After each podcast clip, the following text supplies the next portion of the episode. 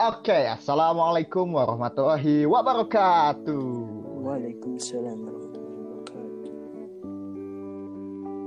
Halo Dormian, kalian sedang mendengarkan Dorm Talks yaitu podcast dari anak-anak absurd yang membahas semua masalah di dunia ini, mostly masalah asrama dan juga masalah remaja. Yeay. Yo. Kulu, kulu, kulu, kulu. Selamat menunaikan ibadah puasa bagi Dormian semua ya. Jalan. khususnya yang menjalankan nah, dan umumnya buat kita semua ya gimana nih puasanya lancar Alhamdulillah.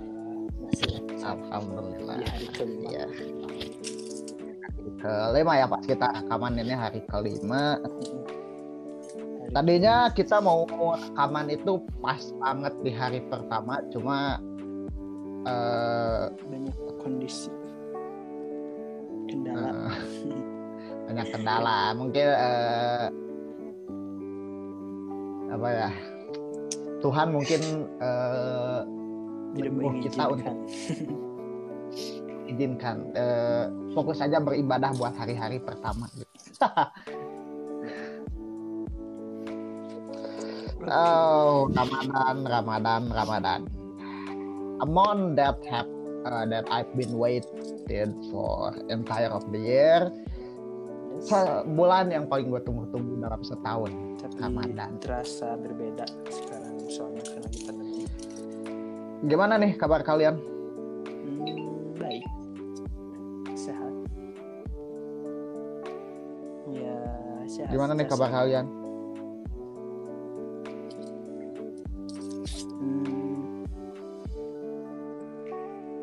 Sehat-sehat sih sehat. Lagi puasa gini emang harus sehat. sih. iya sih Walau, Mm-mm. tapi bawaannya malas. males Soalnya kan lagi pandemi kayak gini. Ah, males emang ah gak apa-apa ah, bawaan males emang ini wah walaupun itu bagian dari nafsu ya yang harus kita ah, Iya. Padahal kan se- Apa? Padahal kan selama bulan puasa itu itu ya setan itu kan di itu ya dikurung. Setan itu dikurung tapi masih aja Iya. Tapi berarti godaan itu mah berarti emang dari diri sendiri Ah, ya. emang Ya dari ya berarti setiap manusia itu pasti punya apa ya? emang Hmm, yang kan manusia kan diberkahi de- dikaruniai dengan hawa nafsu kan ya, jadi kayaknya eh, it's kind a normal thing kalau misalnya manusia masih eh, apa sih namanya tuh masih ada bawaan-bawaan nafsu tertentu gitu lah ya buat apa pun itu bahkan buat makan dan minum aja kan itu ininya dari nafsu di ajaran Buddha juga kan eh, ada tujuh ya. Ah, apa Yang apa sih? Bukan bukan pantrangan apa ya disuruhnya? Iya, dosa Seven Destruction. Sins itu populer sih di ini Nanasu no Taiza kalau di anime itu judulnya. Itu kan menceritakan tentang tujuh dosa. tujuh Dosa dosa yang membinasakan Hmm. Jadi kalau kalian nggak ada salah satu dari dosa itu berarti kalian bukan manusia ya kayaknya. ya seperti itulah ya. Kan ya itu. Ya wajib. ya anyway ya lem- Ramadan berarti kita udah masuk hari kelima ya. Iya. OTW mau enam ya? Mungkin pas eh, rekaman ini naik mungkin udah hari keberapa lah ya gitu. Soalnya belum bisa memastikan juga mau naik hari keberapa. Cuma ya pembahasan ini berlaku lah untuk anyway ya eh, ada kabar apa sih hari eh, ya mungkin selama kita vakum ya ada kabar apa sih? Banyak kayaknya kau kabar. Tapi kalau yang terbaru itu itu yang dari itu eh, silikon apa sih? Iya sih oh itu ya yang eh, eh, Valley. pemerintah pemerintah mencanangkan eh, eh, apa sih bukit algoritma ya gagasan ya kalau kalian tahu kayak di itu ya di Amerika ya Ya, ya, Silicon Valley itu California. di California. Hmm. Eh, jadi eh Silicon Valley ini ya tempat di mana banyak perusahaan yang berbasis teknologi yang bermarkas di sana gitu. Kayak misalnya eh, yang gue tahu tuh apa ya? Banyak sih. kalau di Amerika itu eh, itu apa sih kayak apa ya kemarin? H-. HP kan, HP kan di di sana terus Hmm, HP Oracle Eh, itu eh, laptop laptop Dell Dell. Kalau Apa? di sana.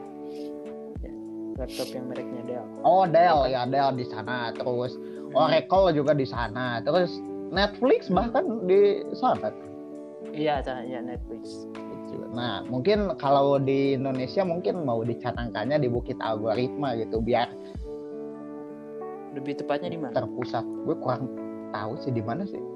Bogor bukan Antara Bogor atau Sukabumi sih. Iya isi dekat ke Sukabumi ada kabar. Jadi mungkin itu buat eh, perusahaan-perusahaan itu ya teknologi yang enggak mungkin Ah, ah. iya besar tapi enggak kan kalau kayak apa sih Apple itu kan punya sendiri ya, Ah. ya itunya. Karena kalau Apple kan punya sendiri ya di Amerika. Kayak gitu kayaknya. Iya iya iya kayak gitu. Oh ini nih gue baru baca nih. Jadi si Bukit Algoritma ini terletak di daerah Cikidang dan Cibadak itu di Sukabumi. Hmm, perbatasan Bogor Sukabumi. perbatasan Bogor Sukabumi. Luas proyeknya sekitar 888 hektar. Tapi yang jadi kendala itu sih SDM-nya. Takutnya Ah, ah. dengan pembangunan Silicon Valley itu malah SDM-nya rata-rata dari pihak asing, Iya sih. dari pekerja-pekerja asing. Jadi agak Soalnya kan kapasitas SDM eh, orang Indonesia itu kalau buat teknologi itu masih ah, sedikit masih akan buat memenuhi syarat. ditambahkan takutnya nanti Nah. ini eh, jadi kayak hambalang gitu. Oh, iya. Mandek. Tapi ya emang sih kalau berbicara teknologi emang Indonesia masih kurang sih untuk SDM. Masih kalah sama India ya. Mm, emang sih kalau kita itu kalah jauh sih kalau dibandingkan dengan India. India kan emang Kat- banyak programmernya cuy. Iya walaupun ya daerah-daerah tatanya kumuh tapi emang dalam segi teknologinya ya. pro- programmer handal itu emang lahir dari India gitu. Katanya wacana gak tahu 2000 berapa pokoknya mah India itu bakal jadi kiblatnya teknologi dunia katanya Ya mungkin seperti Emang. itulah ya. iya sih Heeh. bedanya walaupun berkembang ya negara lain ya walaupun kumuhnya tapi masih ada keunggulannya gitu Ya seperti itulah ya. Enggak, jadi Apa apa Yan? Sebenarnya Ada, ada, banyak ada. Indonesia tuh. Sebenarnya banyak SDM yang apa eh, computer science dan sebagainya. Cuma eh, seperti problema- problematika di negara lain hanya sedikit yang memenuhi standar industri. Bahkan ada riset yang mengatakan dari seluruh lulusan informatika di Indonesia hanya satu persen yang yang ter apa yang eh, terkualifikasi di dunia industri gitu. Kalau di US tuh Hmm, sekitar apa ya 20 persen Sepuluh. berapa gitu pokoknya eh lulusannya banyak cuma yang qualify di dunia industri itu sedikit sekali gitu makanya eh kelihatannya nggak ada Yang kelihatannya kendala dikit. di pendidikannya ya I see, I see, I see. jadi kendalanya itu ya emang sih standar apa sih kayak di sekolah-sekolah yang kejuruan di Indonesia itu kan kurang memenuhi standar buat itu ya buat bisa terjun langsung ke lapangan atau enggak. Standarnya kurang memenuhi syarat buat terjun di perusahaan-perusahaan kayak gitu. Jadi kesannya sekolah kejuruan itu masih kurang itunya. Apa sih? Perannya masih kurang kayaknya. Kan harusnya kan sekolah kejuruan itu emang lulusannya kan diciptakan buat siap kerja ya. Tapi rata-rata itu yang kata Rian bilang tadi emang masih kurang memenuhi standar gitu. Kesannya ya kayak sia-sia gitu. Lebih ke Hmm, salah sih, arah benar. sih pendidikannya Mm-mm. Hmm, kalau bisa disiapkan langsung sesuai standar itunya kalau pendidikannya kan jadi gak apa sih lulusannya gak terbu uh, di gak terbuang sia-sia gitu. Kalau sesuai itu itu sih jadi kayak kalau diibaratkan kayak petani itu uh, ada petani dia tuh uh, tahu cara nyangkul tapi nggak tahu cara uh, apa meningkatkan kualitas uh, meningkatkan kualitas tanah terus uh, uh, meningkatkan hasil panen tapi dia cuma tahu nyangkul doang. Nah uh, anak informatika anak-anak itu juga gitu. Ada yang cuma tahu alatnya doang gitu tapi ketika di, dikasih suatu masalah dia tuh nggak bisa solving uh. masalah itu dengan logik dia gitu. Jadi dia cuma tahu uh, apa uh, kalau disuruh oh kayak gini kayak gini. Dia, dia cuma bisa apa make alatnya doang. Tapi ketika dikasih suatu problem atau uh, apa di, uh, apa dikasih masalah ini improve ini ini ini uh, dia pada, pada apa ya pada pada nggak bisa. Kebanyakan lulusan bidang teknologi itu kayak gitu. Sebenarnya gak, gak hanya teknologi sih emang hampir semuanya kayak gitu sih. Rata-rata emang orang Indonesia itu terlalu textbooks gitu kalau diibaratkan. Gak bisa improve gitu. Soalnya kan emang gimana harus disuapin mulu gitu. Kadang kan pendidikannya juga itu. Saks masih. Uh, kurang mendukung gitu kalau berkaca sama negara-negara yang lain. Yang dituntut si apa sih si siswanya si pelajarnya untuk berkembang. Itu kan di Indonesia terkadang ada ter, terbatas gitu. Kayak terkekang aja gitu. Jadi terkadang mengembangkan diri juga kan kadang susah. Dituntut dengan apa sih kurikulum yang emang ada gitu. Mau melenceng dikit. ya terhalang mm sih. Benar. Ya mungkin. Jadi ya itu mah lebih apa sih lebih mencari pengalaman sendiri aja gitu buat mengembangkan diri sendiri mah. Kalau mengandalkan di lingkungan sekolah itu kadang terkadang banyak kendalanya. Hmm iya iya sih. Ya mungkin uh, seperti itulah ya tentang Silicon Valley terus tentang bukit algoritma terus tentang teknologi juga bagaimana Indonesia dan teknologi bisa bersinergi gitu. Tapi kan e, dari segi teknologi Indonesia juga udah mulai. Contohnya dari apa sih? Sekarang kan Kominfo lagi mengencarkannya buat masyarakat menggunakan apa sih? TV digital ya hmm. kalau nggak salah. Oh, TV berbayar ya. hmm. Eh, soalnya kan dari segi kualitas sama itunya lebih jernih. Iya sih benar. Uh, gue sih lebih mendukung satu rumah satu akun Netflix. Emang sih kalau sekarang lebih baik nonton itu aja lah. Netflix. Ya kalau nggak Netflix mungkin Disney Plus lah ya kalau misalnya mau buat. Eh malah placement si anjir. Ya. Siapa tahu dulu. ya mungkin seperti itulah eh, tadi ya udah gue paparin soal apa sih Silicon Valley gitu dan Bukit Algoritma juga. Oh ya, by the way ini podcast ada empat orang ya. Tadi gue lupa menyebutkan ada empat orang yaitu gue sendiri Rai sebagai host dipandu oleh dua caster yaitu Zain dan Ned yang dari tadi diam aja. Yoi. Eh, Geran disuruh diam langsung bersuara. Dan juga ada pendengar eh, eksklusif kita kembali lagi nih. Ada Rian di sini. Apa kabar Rian? Tadi lupa sih gue nanyain kabar. iya, baik. Masih libur atau gimana gitu kegiatan kuliah? Biasa kerja rodi. kerja rodi bagai kuda. Nampaknya. Nampak berat nampaknya. Eh Rian mah dari sejak kita SMA juga. Orangnya. udah udah ini banget, udah berat banget. Terkesan banyak beban yang di yang di, di pundaknya itu banyak beban. Bukan beban sih. Harapan harapan. Terlalu banyak memikul harapan. Cita-cita mungkin. Ya mungkin emang emang kayak gitu sih. Dari dulu juga yang namanya anak asrama kan emang banyak memikul harapan cuy di bahunya tuh. Baik harapan dari rumah harapan dari asrama dan masih banyak lagi ya.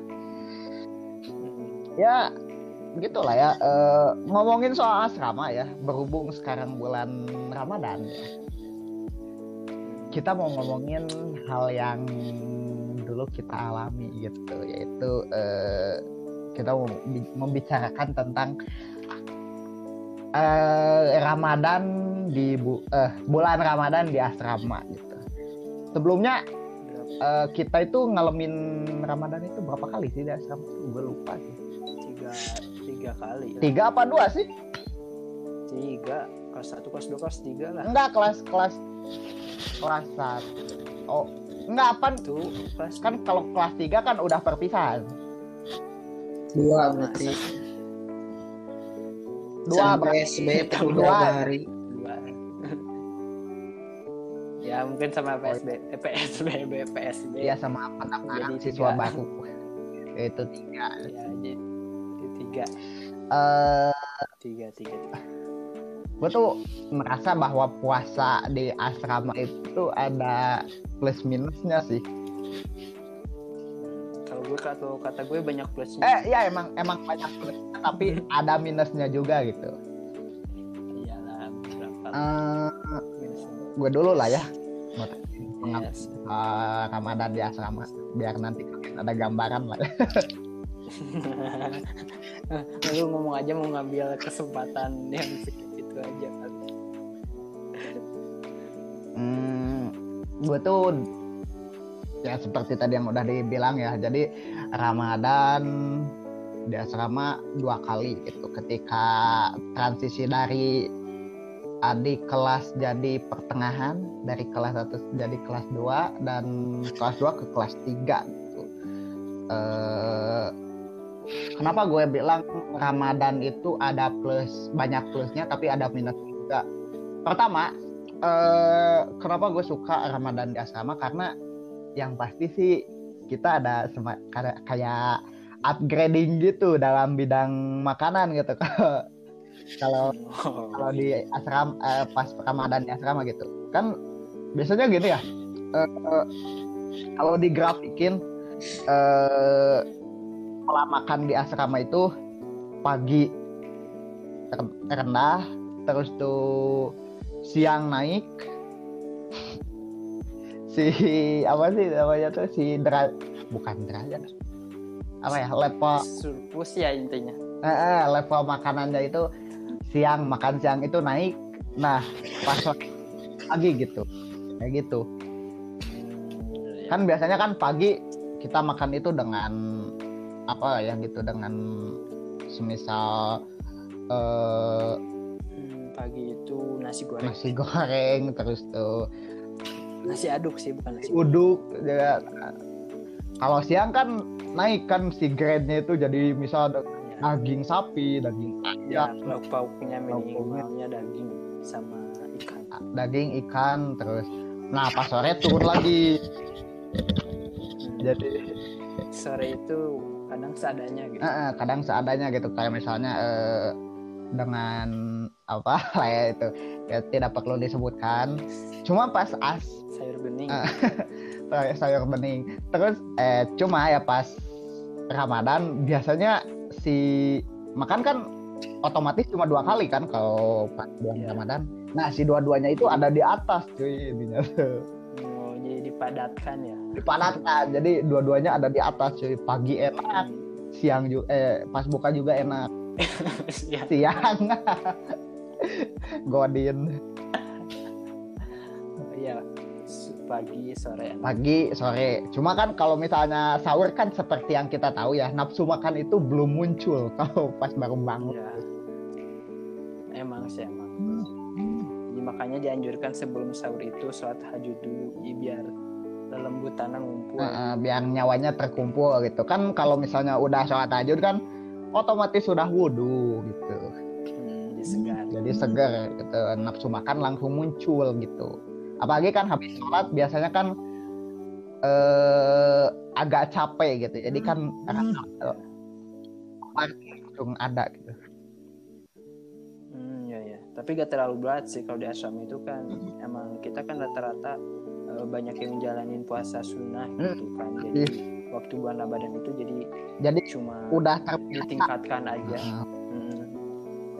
jadi ibaratnya itu kita itu dulu tuh di asrama itu emang banyak terbiasa dengan puasa sunnah eh si eh, apa sih puasa Ramadan ini cuma kayak misalnya puasa sunnah ini gladi resik-nya lah Hmm.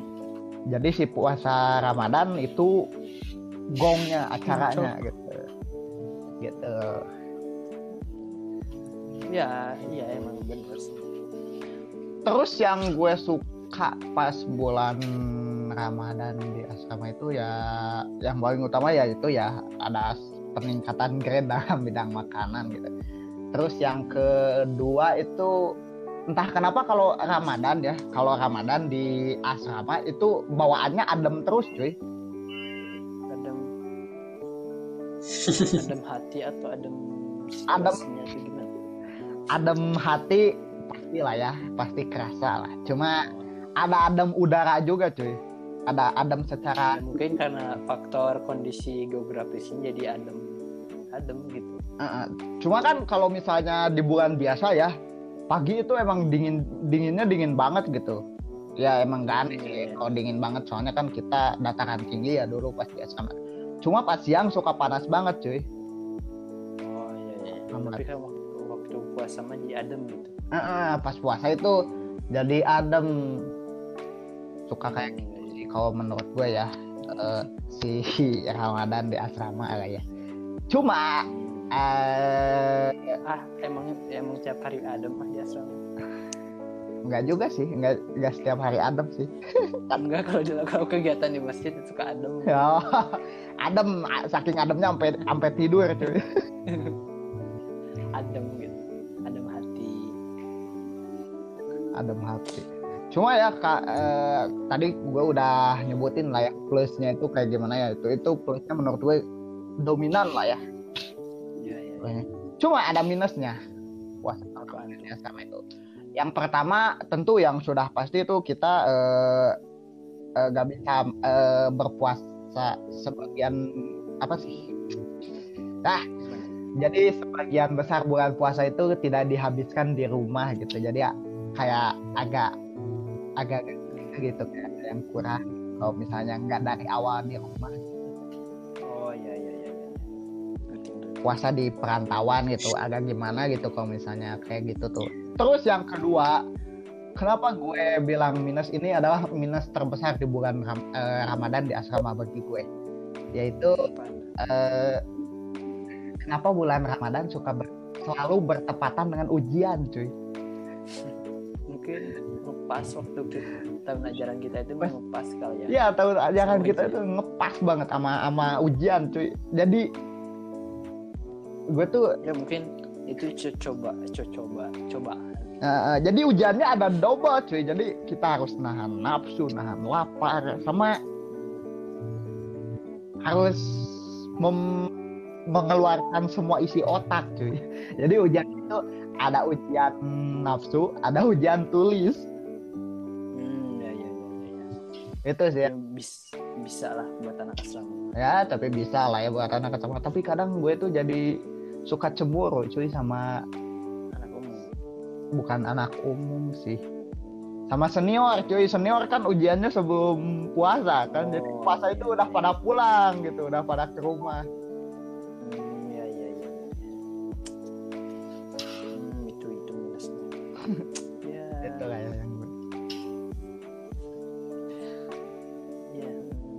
nah itu sih minus terbesar bulan puasa. Tapi as overall ya gue gue suka banget cuy gue bahkan kangen banget gue pengen ngerasain lagi yang namanya eh, Ramadan di asrama cuy. Soalnya lah pokoknya tidak bisa diungkapkan dengan kata-kata cuy.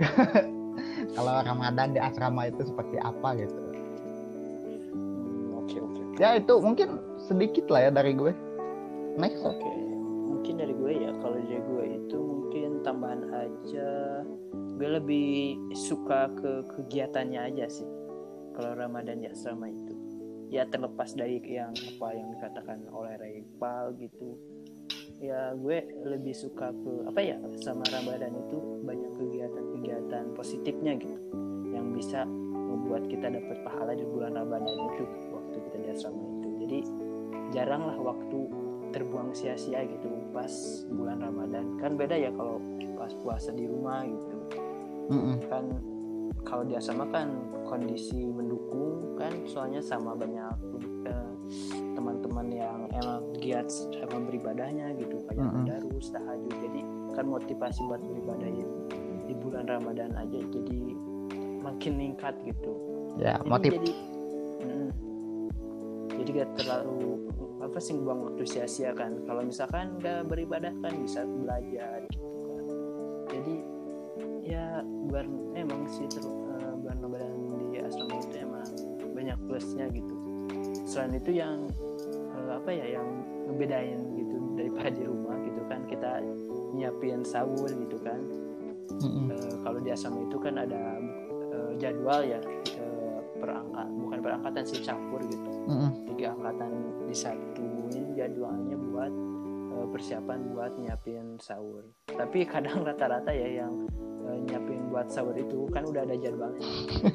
Gue itu waktu kepilih jadi yang bagian kan eh, apa sih Itu- kriteria Nah, kriterianya apa sih? Gue gue dari dari dulu gue gue, gue tahu. Soalnya gue waktu kelas 1 kepilih kriteria orang yang nyiapin puasa itu yang bangunnya di- bisa dibilang eh, cepat Gampang lah. bangun lah. Nggak cepet ya gampang bangun sama gimana ya hmm, ya rajin lah pokoknya kan kalau Hmm. kelas 1 emang rata-rata ya eh, gue emang apa sih eh, bangun emang kela- waktu kelas 1 itu emang gak ter, eh, banyak tekanan kan jadi bangun su- suka pagi gitu sama Hmm. mungkin faktor kita deket sama orang-orang yang emang apa sih kayak yang eh, ya bisa dibilang soleh-soleh gitu.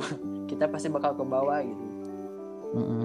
Eh, jadi waktu kelas 1 itu gue pernah eh, ke, eh, kepilih eh, nyiapin buat sahur eh, di asrama. Tapi yang yang jadi bukan permasalahan itu kadang kita waktu bangun emang udah eh, sebelum yang lain pada bangun udah nyiapin buat sahur kadang kita suka keduan sama ibu dapurnya. Soalnya ibu dapur kadang lebih cepet daripada yang buat nyiapin sahur jadi waktu datang ke eh, apa sih ruang makan itu kadang tinggal nyiapin apa ya tinggal nyiapin dikit lagi aja gitu paling gue minumnya. Jadi tinggal minum atau kondimennya gitu. Nah, keseluruhannya itu kadang sama ibu dapur lebih dulu soalnya kan ibu dapur lebih pagi nyiapin. Iya sih. Tapi waktu kelas 2 kelas 3 udah gak kepilih lagi. Iya, soalnya lu kebluk gue waktu kelas 1 aja yang kepilih gak, gak bertahan lama gitu. Terus apa ya momen yang gue rasa beda dari eh kalau puasa di rumah itu ya banyak eh, serunya sih. Banyak agenda-agenda itunya kegiatan-kegiatan yang buat kita gak apa ya juga kerasa gitu puasa itu kadang cepet deh tiba-tiba mau pulang lagi gitu. Ah, nah itu dia. Itu sih kalau kata gue. Ramadan di asrama itu banyak plusnya. Kalau minusnya kalau kata gue apa ya minusnya? Ujian. minusnya sih nah ujian ya bisa dibilang ya kalau kita belajarnya itu mah gak terlalu gitu minusnya dikit lah kalau di asrama. Pokoknya kita tinggal apa sih fokus beribadah aja gitu bener benar di bulan Ramadan itu benar-benar emang kita apa sih eh, puncak-puncaknya beribadah gitu kalau di asrama itu emang mendukung kondisi lingkungan sama ya orang-orangnya pokoknya mendukung lah buat kita apa sih berbuat eh, Ya, baik beramal baik gitu. Hmm. kan kalau di rumah itu kan banyak malesnya ya Asli, cuy. teman itu gue tuh kerasa sih sekarang perbedaan yang paling nyata antara Ramadan di asrama ya sama Ramadan di rumah kayak sekarang tuh asli di asrama itu gak eh, eh, di rumah itu gak gak ada motivasi banget cuy buat ini tuh buat apa sih? Buat beramal baik gitu buat buat ber kalau di rumah itu Apa? kalau kita gak terbiasa susah kalau kita mulai apa sih tancap gas langsung di paling juga di awalnya aja gitu. Mm-mm. ke sana ke sananya jadi kendor kalau kita gak terbiasa gitu kan kalau di asrama itu karena emang sedikit gangguan gitu Sedikit. banyak gangguannya. Ya gangguan dalam artian kan kalau di rumah itu ada TV bisa main HP kan. Kalau di asrama gak bisa ya. Mm-mm. Eh, pilihannya cuma dua kalau gak beribadah. Belajar. Nggak belajar gitu. Kan sama-sama baik ya kalau di asrama. Mm-mm. jadi tidak kalau di rumah. Jadi ada motivasi cuy. Jadi ada motivasi. Eh banyak motivasi jadi emang pas tabiko hoirot banget gitu kalau misalnya di asrama. Jadi se ya senakal-nakalnya anak asrama kalau buat puasa ya bisa dibilang masih dibilang soleh lah. Senakan-nakalnya anak asrama kalau bukan ramadan bisa satu juz satu hari. Hmm, ya itu kayaknya kayak standar lah buat anak asrama itu pastilah hatam Mm-mm. kalau dilanjutin di rumah mah gak tahu. Kalau di rumahnya masih lanjut. Gitu. kayaknya di rumah Se- pada balas dendam sih. Hmm, seenggaknya kalau di asrama itu ya minimal habis sholat ada baca Quran. Itu sih. Jadi nggak banyak waktu yang terbuang buat ngahulang tidur. Nah ulang tidur terus scroll scroll hp Hmm, main game. Nggak ada cuy ya tapi yang kalau di asrama itu yang kadang apa sih yang gue gak dapet itu ngabuburitnya. Kadang kan saking sibuknya sama kegiatan jadi gak nggak kayak gak ada nggak ada istilah buat ngabuburit gitu. Ya buat jadi tiba-tiba tiba-tiba udah buka aja. Ya gitu. Jadi kesannya itu emang nggak ada waktu buat ngabuburit gitu. Ya kalau ngabuburit juga ke mana gitu. Ya paling ngabuburit juga ke Ja- terdekat gitu. hmm, jalan-jalan pengen juga beli apa takjil kalau yang mau ya kalau yang mau misalnya ada tambahan, Tambahan. gitu buat ah, gitu. terus apa ya iya sih itu sama kayaknya kalau taraweh kayaknya lebih itu di asrama kayaknya Mm-mm. lebih apa ya disebutnya itu lebih khusyuk ya kalau dalam sholat itu lebih khusyuk gitu soalnya kan standar lah Heeh. eh, cepet enggak lambat enggak gitu. Jadi, Tapi, emang benar-benar taraweh gitu. Hmm. ya jadi apa sih kalau di dalam sholat itu istilahnya apa ya? Bukan setelah khusyuknya apa tuh? Apa? Tumaninah Tumaninah. jadi eh, ya tum- sholat itu namanya jadi tumaninahnya jalan gitu. Hmm, kayak gitu. Iya sih itu gue gue sukanya gitu kalau taraweh di asrama taraweh di kan asrama pada tuh. pada enakan ya kalau di asrama itu eh, apa sih imam-imamnya gitu yang membacain ayat Qur- eh, ayat Al-Qur'annya gitu. Mm. ya sih. Eh kerasa sama gue juga kalau misalnya taraweh di asrama itu flow-nya itu emang santai banget gitu. Jadi eh, emang benar-benar menjiwai apa yang disebut sebagai tarawih gitu. Kan tarawih kan eh, artinya kan secara bahasa artinya istirahat jadi emang harus flow-nya emang harus santai gitu harus khusyuk harus tumaninahnya harus jalan banget gitu. Nah itu yang gue rasakan gitu. Walaupun dua 23 rakaat juga ya. Mm-mm. tapi Eh, tapi- ya, belum ada yang 11 juga. Eh enggak sih. Kalau asrama kan 11 sih waktu kita itu cuma kan 11. ada yang beberapa ada yang yang 11 yang 23. dua tiga gitu ngelanjutin lagi gitu bikin Hmm, jemaah itu. baru gitu. Hmm, kalau yang itu 11 Mm. hmm, sih. dan yang paling manis tentulah di akhir apa sih bukan di akhir sih ya menjelang kepulangan menjelang kepulangan cuy apel kepulangan terus ya ya benar kasih ongkos oh itu yang beda dari asrama itu itu sih. Kalau misalnya waktu, waktu pulang udah numpuk agenda bukber ya. Eh, eh, waktu pulang udah numpuk agenda bukber terus pas bukber itu banyak ditanyain gimana sih di kota katanya kota kota. Anjir. Di Bandung. Di Bandung kota kan di kota kota kan. Padahal mah. Ah iya sih suburban kita mah. Tapi kesannya kayak itu loh eh, kalau di kalau gue ya kalau ketemu waktu bersama temen itu kesannya kayak orang yang harus pandangannya itu orang soleh gitu. Eh bener orang soleh kalau kayak orang eh, baru beres di pesantren gitu. So, so alim. Soalim ya sama elit juga cuy. Jadi dipandangnya jadi eh, jadi takut jatuh waktu waktu bukber bagian doa gitu jadi jadi anak ini banget cuy jadi anak elit banget gitu katanya jadi mau mau yang mau bergaul itu takut kebablasan. Gitu. ada gue tuh dulu kayak gitu sih dipandang sama teman-teman alumni tuh kayak gitu tuh. Ini anak-anak elit nih dibiayai sama pemerintah. Gitu secara kan teman-teman gue tuh dulunya banyaknya ya paling sekolahnya dekat gitu atau enggak gimana gitu. Ya pandangnya Hmm, sih. Aduh. itu lah ya dari lu udah kan? Udah udah. Kayaknya dari gue udah gak Ya. terlalu inget sih soalnya udah lama. Hmm, iya iya iya. Oke. Ada sih beberapa yang udah Eh, mungkin dari Rian bisa menyampaikan sedikit gitu. Gue pengen tahu sih sumpah eh, Ramadan di asrama versi Rian itu bagaimana Oh, gitu. kalau versi saya nggak ada yang spesial sih biasa aja. saya tidak terlalu menikmati hal-hal seperti yang seperti hari-hari sebelumnya menikmati hal-hal yang cuma yang kerasa tuh atmosfernya sih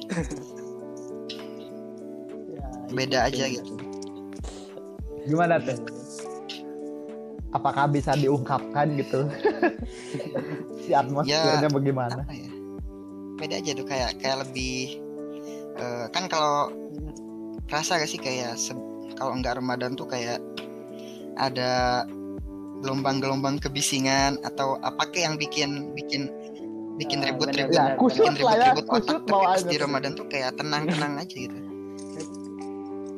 adem gitu orang-orang Pada- pembuatan harinya itu pada itu Mungkin Padahal barengan sama hujan gitu. Tapi adem gitu bawah. Hmm. kesannya jadi kayak itu penghuni-penghuni itu jadi tiba-tiba Kayak pada penghuni pada surga. tiba-tiba pada jinak gitu Amin. jadi kalau udah Ramadan ya, liar lagi ya? iya pokoknya iya ya tenang lah ya sih emang waktu sama itu karena gak terlalu banyak aktivitas yang bisa dilakuin gitu soalnya kan lagi Banyak. puasa. tidur Ya. siang tidur pagi tidur sore itu nah itu sih minusnya agak terbatas kalau di asrama itu kalau tidur siang itu kecuali libur kayaknya benar-benar iya sih itu kan. Ya mungkin ada lagi gitu. Masa gak ada bedanya banget? Mungkin seperti hari sebelumnya kan kalau yang sering puasa sunat eh, ya emang sih gak terlalu jauh berbeda sih kalau yang sering puasa Ya sih kalau dari segi puasa gitu. gitu. Gue gue dulu puasa Daud sih. iya jadi kesannya emang gak terlalu itu kalau yang udah sering puasa di asrama itu jadi cuma meningkatkan waktu berpuasanya aja gitu hari-hari puasanya Mm-mm. Udah gitu enak lagi kalau bulan puasa kan semuanya puasa kan. Hmm. Beda kalau puasa sunnah kan puasa sunnah puasa banyak godaannya. ada yang godin gak sih Kayaknya nggak ada sih. Gak ya anak sama Kayaknya keterlaluan cuy kalau misalnya eh, bolong gitu bocor di siang-siang. Lagian eh, gini ya, kalau misalnya di, di, di- harus dipertanyakan gitu, seberat apa gitu puasa di asrama sampai harus bocor. Padahal di asrama kalau puasa itu santai sih. ya udah mas santai kan kata itu juga kan kalau puasa setannya lagi pada di apa sih dikurung-kurung mah berarti itu mah lebih kuat kayaknya kalau yang godin itu Ah, itu mah diri sendirinya aja. godaan setan. godaan iya godaan nggak ada gitu di asrama itu dikit lah kalau ada godaan Heeh. iya sih bener. Seberat apa gitu. Cara kan santai banget cuy kegiatan. Gue gue merasakan sih santai banget cuy. Gak Hmm. eh, kalau dibanding hari biasa kosong gitu kegiatan tuh. Paling saat-saat harus mengeluarkan effort lebih itu pas lagi ujian doang gitu. Ya ya berpikir berpikir. Berpikir berpikir berpikir. Ya walaupun capek kepala tapi kepala always cool soalnya kan tuntutan. Tuntutan. Ya itulah. Ya. kemudian itu ya mungkin dari kita bertiga ya. Ada lagi? Nisa nggak kayaknya cukup. Cukup. Rian mungkin mau Nambahin apa? lagi? Apakah udah udah cukup gitu? Atau ada yang mau tidak ada. diomongin lagi gitu? Atau eh, tidak ada lah ya. Oh gue eh, kalau di asrama itu jadi gue merasakan apa itu mudik Nah, iya bener cuy. itu hal yang gak pernah di alam gue tuh jujur ya, jujur gue mengalami mudik itu cuma di asrama doang. Merasakan perjalanan jauh gitu. Kalau dulu, walaupun gue eh, enam tahun ya ininya apa eh, merantaunya ya, tapi kalau yang pas SMP masih relatif dekat kan. Jadi ya mm, ya it's not not not a good thing gitu. Bukan hal yang emang bikin impress gitu. Beda sama di asrama cuy. Jadi di asrama mudik itu ya. kerasa banget mudiknya. Udah gitu kan dikasih ongkos gitu. Itu aja sih udah. Udah ya? Yuk. udah ya Yan? udah ya udah ya. Oke eh, gitu ya Dormians itu Ramadan di asrama versi kita bertiga ya. Kalau misalnya kalian mau sharing tentang pengalaman Ramadan kalian eh, bisa lah ya komen nanti di postingan tentang podcast ini lah. Oke mungkin segitu aja lah ya eh, buat episode kali ini. After eh, a long long time ya kita kembali lagi gitu buat hadir di kuping kalian semua gitu. Walaupun yang denger sedikit tapi it's okay lah ya. Oke, ya, Kristen. ya kita bertahap aja lah ya. Berhubung ini Ramadan juga semoga kita semua dapat berkahnya gitu. Dapat eh, mungkin berkah untuk kita pribadi. Mungkin bisa menggapai apa yang disebut sebagai Lailatul Qadar malam seribu bulan dan- amin. ya Allah amin. Dan, dan semoga pandemi ini cepat berakhir. Ya dan pandemi ini semoga cepat berakhir. Terus kalau buat podcast ini mungkin podcast ini makin naik makin hadir di hati kalian semua gitu yang mendengarkan ya. Ya mungkin kita berdoa lah ya. Semoga berkah Ramadan benar-benar hadir dan banyak gitu. oke gitu ya untuk episode kali ini eh, kita bertiga pamit undur diri. Sampai berjumpa di episode selanjutnya yang gak tahu akan rilis kapan. Ya secepatnya mungkin Rai Zain dan Rian pamit. Oke see you next time. Bye bye